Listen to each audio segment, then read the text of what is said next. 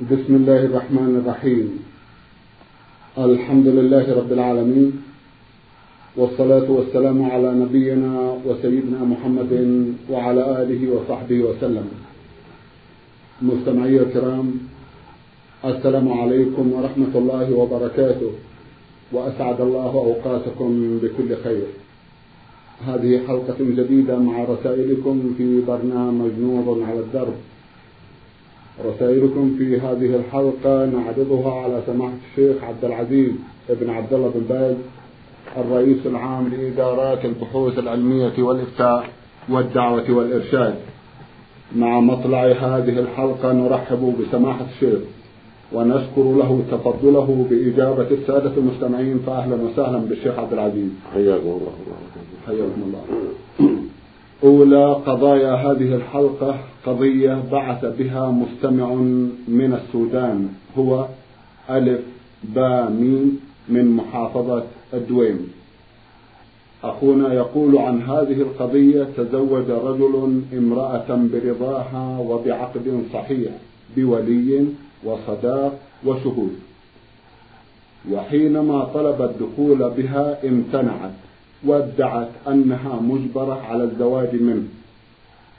وعند إحالة المسألة إلى القضاء أمر القاضي بفسخ العقد وتزوجت المرأة بزوج آخر دون رضا الزوج الأول.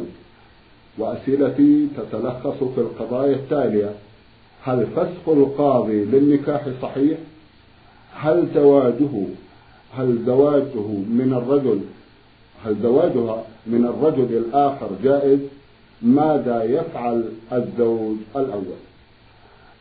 بسم الله الرحمن الرحيم. الحمد لله وصلى الله وسلم على رسول الله وعلى آله وأصحابه ومن اهتدى أما بعد فقد ثبت عن رسول الله عليه الصلاة والسلام أنه قال لا تنكح الأيم حتى تستأمر ولا تنكح بكر حتى تستأذن.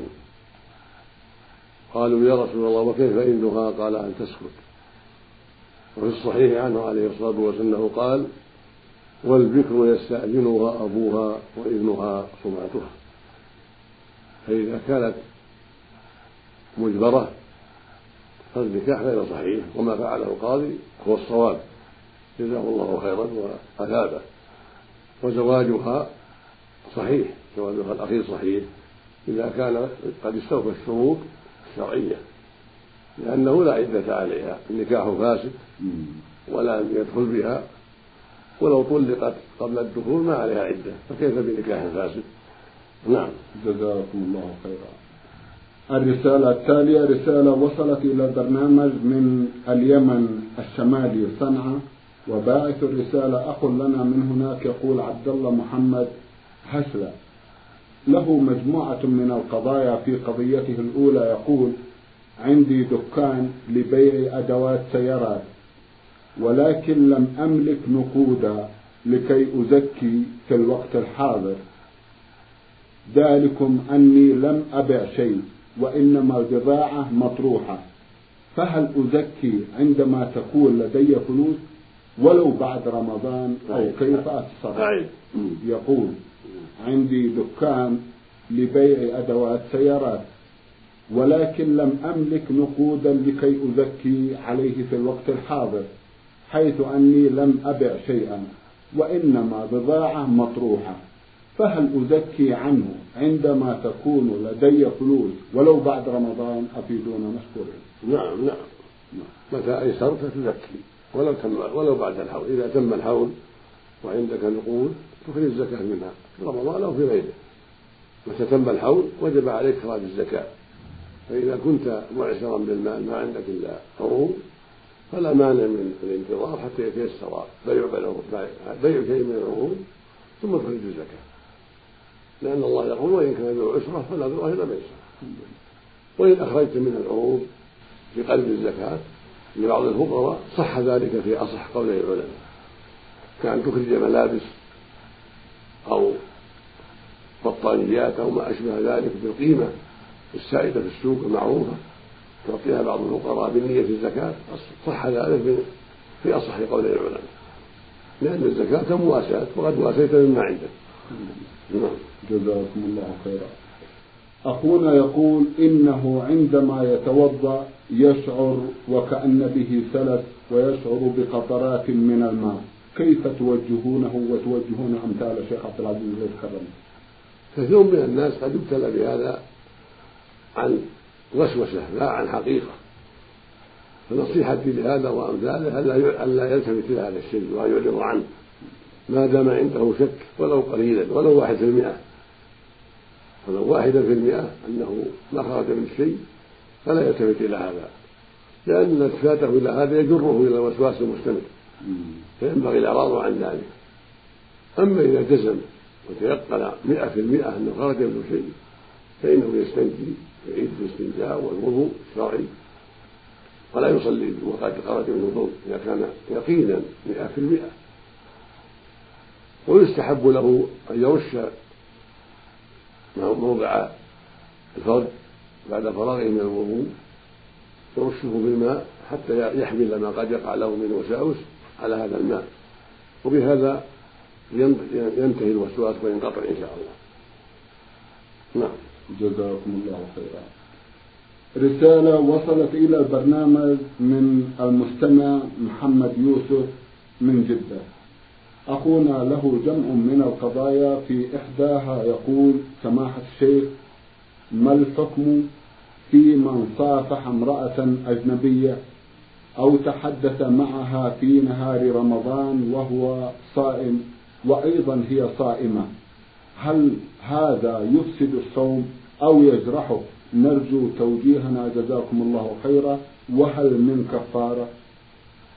أولا المصافحة للمرأة الأجنبية لا تجوز. لأن الرسول عليه السلام قال إني لا أصافح النساء. وقالت عائشة رضي الله عنها ما مست يد رسول الله يد امرأة قط. ما كان يبايعهن إلا بالكلام. يعني النساء الأجنبيات غير المحارم أما المحرم كأخته وعمته فلا بأس يصالحها. وأما المكالمة الأجنبية فلا بأس بها إذا كانت مكالمة مباحة ليس فيها تهمة ولا ريبة. كي يسألها عن أولادها يسألها عن أبيها يسألها عن حاجة من حوائج الجيران أو الأقارب لا بأس بذلك. أما إن كانت المكالمة التحدث فيما يتعلق بالفساد والزنا ومواعيد الزنا أو عن شهوة أو عن كشف الله كشف منها له يعني يرى محاسنها يرى وجهها يرى محاسنها كل هذا لا يجوز. أما إذا كانت المحادثة مع التستر ومع الحجاب ومع البعد عن الغيبة وليس عن شهوة فإنه لا حرج عليه في ذلك. قد تحدث النبي صلى الله عليه وسلم إلى النساء وتحدث النساء إليه ولا حرج في ذلك. والصوم صحيح. لا يضره المصافحة ولا تضره المحادثة إلا إذا كانت عن شهوة وخرج مني فإنه يبطل الصوم بخروج المني عن شهوة. وعليه أن يعيد الصوم على من خرج منه ذلك يعيد الصوم. أما مجرد التحدث ولم يخرج شيء فإنه لا يضر الصوم. وهكذا لو خرج مني الذي لا يبطل الصوم على الصحيح. وإنما يبطله خروج المني عن شهوة في نهار الصوم. والواجب على المؤمن أن يحذر ما حرم الله عليه وأن لا يصافح امرأة لا تحل له وأن لا يتحدث إليها عن شهوة أو ينظر إلى محاسنها. والله يقول جل وعلا قل للمؤمنين يغضوا من أبصارهم ويحفظوا فروجهم. ذلك أزكى لهم إن الله خبير بما يصنعون. فالتحفظ من أسباب الشر واجب على المؤمن أينما كان. نسأل الله لنا وللمسلمين جميعا السلامة. نعم. اللهم آمين. جزاكم الله خيرا. قضية أخرى يسأل فيها أخونا محمد يوسف من جدة ويقول ظهرت طريقة سيئة بين تلاميذ المدارس هذه الأيام وهي الاعتماد الكلي على الغش في الامتحانات. ويفعلون ذلك حتى في نهار رمضان. وعندما أخبرتهم أن هذا لا يجوز استنادا للحديث الشريف من غشنا فليس منا إلا أنهم يعتبرون بأن الغش أفضل وسيلة للنجاح. علما بأن البعض منهم يحصل على أعلى الدرجات عن طريق الغش وينجحون بتفوق. وهذا ما يجعلني دائما متأخرا في دراستي لأنني أعتمد على نفسي. فهل أنا على خطأ أم أن القول المأثور صحيح حيث يقولون إن الضرورات تبيح المحظورات؟ أرجو من سماحتكم الإجابة الشافية. جزاكم الله خيرا. الغش في الامتحان محرم ومنكر كالغش في المعاملات. وقد يكون أعظم من الغش في المعاملات لأنه قد يحصل له وظائف كبيرة بأسباب الغش. الغش محرم في الامتحانات في جميع الدروس. لقول النبي صلى الله عليه وسلم في الحديث الصحيح من غشنا فليس منا. ولأنه خيانة. والله يقول جل وعلا يا أيها الذين آمنوا لا تخونوا الله والرسول وتخونوا أماناتكم وأنتم تعلمون. الواجب على الطلبة في أي مادة أن يغشوا ويجتهدوا في الاستعداد. حتى ينجحوا نجاحا شرعيا وأما أنت فقد أحسنت في عدم الغش وعليك أن تجتهد وعليك أن تسلك الطريق السوي ولو تأخرت في بعض المواد. فالحق أحق بالاتباع وأبشر بالخير والعاقبة الحميدة.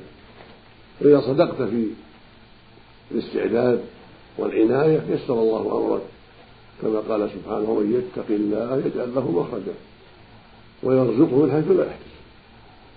ويقول سبحانه ومن يتق الله يجعل له من أمره يسرا. ويقول سبحانه يا أيها الذين آمنوا إن تتقوا الله يجعل لكم فرقانا الآية والفرقان النور والعلم والهدى. فاجتهد في طلب العلم من طريقه الطيب وأحرص على بذل الجهد في تحصيل العلم. وأحسن ظنك بالله واسأله التوفيق وأبشر بالخير والعاقبة الحميده ولا تغتر بالغشاشين ولا تغبطهم على غشهم لأنهم قد ارتكبوا كبيرة من الكبائر وحصلوا على خطر عظيم. نسأل الله السلامة. اللهم آمين. جزاكم الله خيرا. رسالة وصلت إلى البرنامج من اليمن الشمالي وباعثها أحد الإخوة يقول عين عين حاء. أخونا له سؤالان. في سؤاله الأول يقول رجل طلق زوجته ثم راجعها ثم طلقها الطلقة الثانية ثم راجعها ثم طلقها الثالثة وقبل أن تكمل العدة توفي هذا الزوج فهل عليها عدة المتوفى عنها زوجها؟ وهل ترث من مال زوجها الذي طلقها الطلقة الثالثة ولكنها لم تكمل العدة بعد؟ إذا كان الواقع كما قال السائل فليس عليها عدة وفاة وإنما عليها أن تكمل عدة الطلاق وليس لها إرث لأنها بالطلقة الأخيرة الثالثة كانت من زوجها. فإذا مات بعد الطلقة الأخيرة فإنها لا ترث منه ولا تعتد من عدة الوفاة ولكنها تكمل عدة الطلاق. إذا كانت الطلقات المذكورة طلقات شرعية واقعة. نعم. الله خيرا.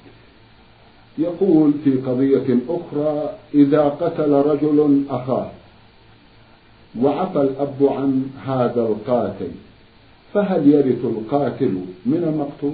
إذا يقول إذا قتل رجل أخاه وعفى الأب عن هذا القاتل فهل يرث القاتل من المقتول؟ لا يرث القاتل من المقتول إذا كان قتله عمدا عدوانا فإنه لا يرث منه. وهكذا لو كان خطأ أوجب عليه الفدية أو الكفارة فإنه لا يرث منه. للحديث لا ليس القاتل من النوع قد أجمع العلماء رحمهم الله على أن القاتل لا من المقتول إذا كان قتلا مضمونا. نعم. ولو عفى الأب. لكن إذا سمح الورثة الباقون أن يشركوه فلا حرج عليه. إذا كانوا مكلفين مرشدين وسمحوا بأن يرث معهم هذا القاتل فلا بأس. أو كان القاتل أو كان والد الأب أبا المقتول نعم. وأبا القاتل وسمح أن يرث من القاتل. أن يرث من المقتول لكن سمح والده أن يرث من المقتول فالحق له. إذا كان القاتل له إرث بأن قتل مثلا أخاه والوالد لا يرث لكونه رقيقا أو كافرا والقتيل مسلم. أما إذا كان القتيل مسلم والأب مسلم والقتيل كافر والأب كافر فإن للأب يحجب الإخوة. الحاصل أن إذا كان القاتل يرث لولا القتل وسمح الورثة له بالمشاركة وهم مكلفون مرشدون فلا بأس بذلك. الحق لهم. جزاكم الله خيرا. رسالة من أحد الإخوة المستمعين يقول صالح أحمد عالي الغامدي أخونا له جمع من الأسئلة. في سؤاله الأول يقول كم عدد ركعات صلاة الليل؟ وهل هي سرية أم جهرية؟ وهل تصح جماعة؟ وما هو وقتها؟ علما بأنني أصليها بعد منتصف الليل. وأوقات أصليها قبل ذلك وأصلي أربع ركعات ثم أوتر بركعة. أعد أعد. يقول كم عدد ركعات صلاة الليل؟ وهل هي سرية أم جهرية؟ وهل تصح جماعة؟ وما هو وقتها؟ علما أنني أصليها بعد منتصف الليل وأوقات قبل ذلك وأصليها أربع ركعات ثم أوتر بركعة. أرجو التوضيح والتوجيه جزاكم الله خيرا. صلاة الليل ليس لها عدد محصور ولو صلى مئة ركعة أوتر بواحدة أو أكثر من ذلك لا بأس بذلك. ليس لها عدد محصور الله جل وعلا ندب إلى صلاة الليل وحتى عليها سبحانه وتعالى. في كتابه العظيم قال جل وعلا يا أيها المزمل قم الليل إلا قليلا. نصفه أو ينقص منه قليلا أو زد عليه. ورتل القرآن ترتيلا. قال سبحانه وتعالى في وصف عباده المتقين كانوا قليلا من الليل ما يهجعون وبالأسحار هم يستغفرون. قال عن عباد الرحمن والذين يبيتون لربهم سجدا وقياما. لكن الأفضل أن يوتر بمثل ما فعل النبي صلى الله عليه وسلم إحدى عشرة أو ثلاثة عشرة. يسلم من كل اثنتين ويوتر بواحدة هذا هو الأفضل. وإن أوتر بأكثر من ذلك بعشرين أو بأربعين أو بأكثر من ذلك وختم بواحدة فلا بأس بذلك. لقوله صلى الله عليه وسلم في الحديث الصحيح صلاة الليل مثنى مثنى فإذا خشي أحدهم الصبح فليوتر بواحدة. هذا يدل على أن الليل أن صلاة الليل ليس لها حد ولهذا قال صلاة الليل مثنى مثنى ولم يحد بحد عشر أو أكثر أو أقل. قال فإذا خشي أحدهم الصبح فيصلي ركعة واحدة تتر له ما صلى هذا هو المشروع في هذا الباب. ثم وقتها من صلاة العشاء إلى طلوع الفجر. بعد صلاة العشاء والسنة الراتبة إلى طلوع الفجر. كله محل تهجد بالليل. وأفضل ذلك آخر الليل الثلث الأخير. هذا أفضل ذلك. نعم. وإن أوتر في أول الليل أو في وسطه فلا بأس. قد قد فعل النبي هذا كله. قد أوتر من أول الليل عليه الصلاة والسلام. وأوتر من وسطه وأوتر من آخره كما قالت عائشة رضي الله عنها ثم استقر وتره السحر عليه الصلاة والسلام. ولا مانع يصليها جماعة بعض الأحيان مع أهله أو مع زواره من غير يتخذ عادة. لكن إذا صادف ذلك أنه زاره بعض إخوانه فصلوا جماعة لا بأس. فقد زار سلمان رضي الله عنه أبا الدرداء في بعض الليالي وصلى صلى جماعة في الليل. والنبي صلى الله عليه وسلم زار محل أنس وصلى الضحى بهم جماعة عليه الصلاة والسلام. فالمقصود أنه إذا صلى في النافلة جماعة في بعض الأحيان من غير اتخاذها ذلك عادة راتبة فلا بأس بذلك ولا حرج في ذلك. والمؤكد أقله واحدة.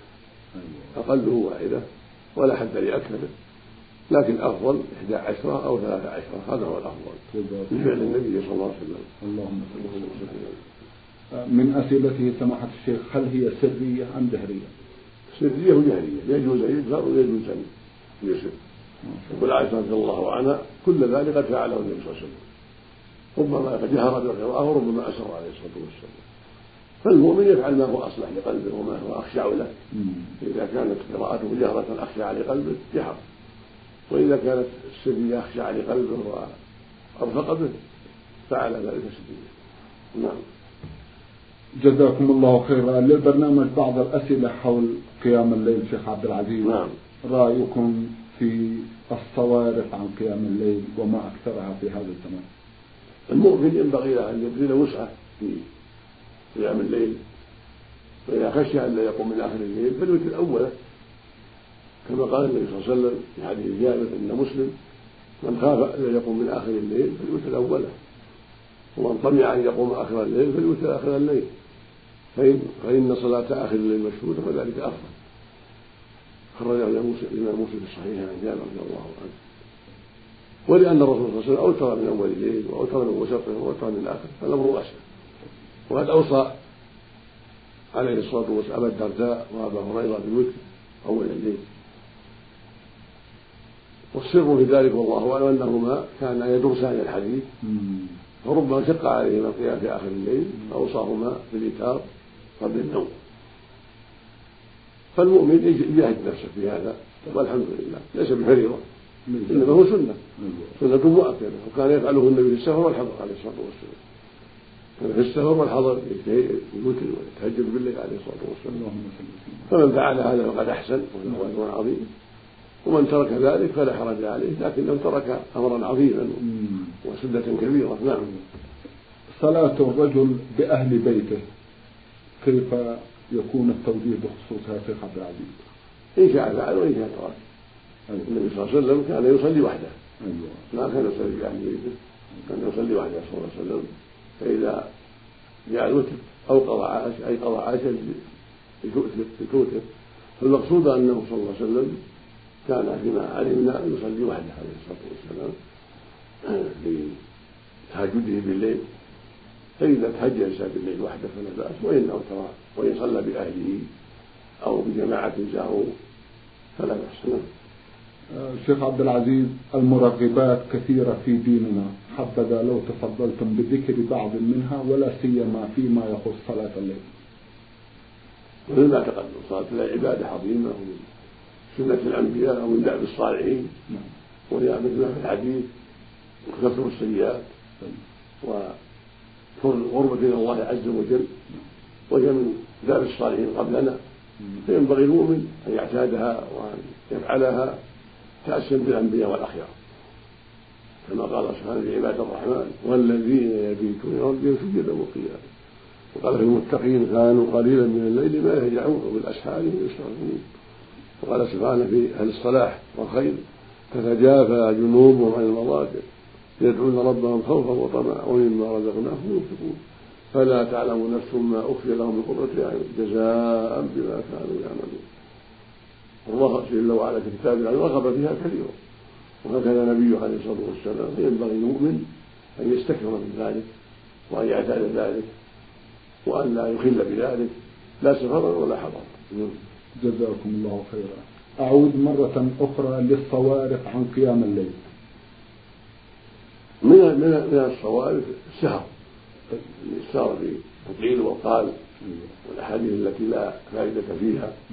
أو في مشاغل الدنيا كالصناعة والجشع والحرص على المال يعمل ليلا ونهارا لجمع المال والحرص على المال. فإذا سقط في الفراش سقط سقط الميت. لا يستطيع أن ينهض للعباد. وربما ترك صلاة الفجر ولا حول ولا قوة إلا بالله. فينبغي المؤمن أن ينام مبكرا ويجتهد في ذلك حتى يستطيع أن يقوم من آخر الليل. أو يصلي من الليل ما تيسر قبل أن ينام ثم ينام مبكرا حتى يستطيع القيام لصلاة الفجر ويصليها في الجماعة. فمن فعل ذلك فقد أحسن. ومن تساهل وقع في فيما وقع فيه المنافقون من فوات الخير والحصول على الشر والندامة. قال تعالى إن المنافقين يخادعون الله وخادعهم. وإذا قاموا إلى الصلاة قاموا كسالى يراؤون الناس ولا يذكرون الله إلا قليلا. المؤمن ينبغي له البعد عن التشبه به في جميع الأحوال.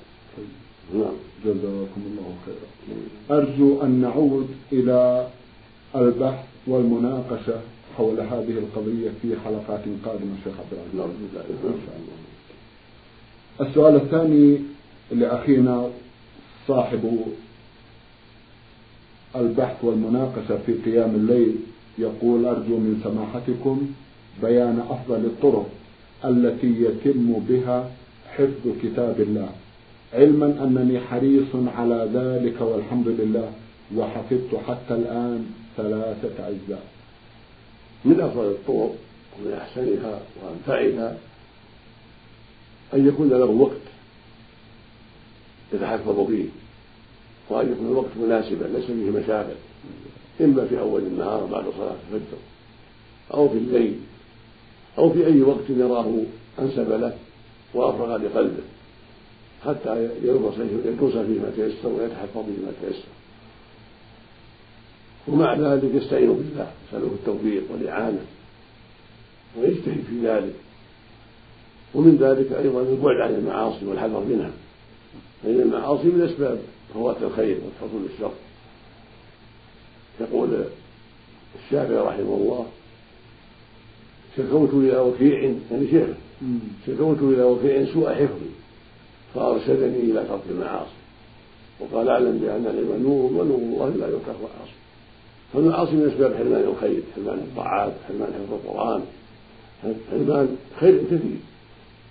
ومن أعظم الأسباب في حفظ القرآن الكريم والعناية بالأوقات المناسبة والمواظبة على ذلك والبعد عن المعاصي والسيئات مع الضراعة إلى الله وسؤاله سبحانه أن يعينك وأن يوفقك وأن يمنحك حفظ كتابه ومع الإخلاص في ذلك وأنك تقصد بهذا الحفظ وجهه الكريم والانتفاع بكتابه والتزود مما فيه من الخير.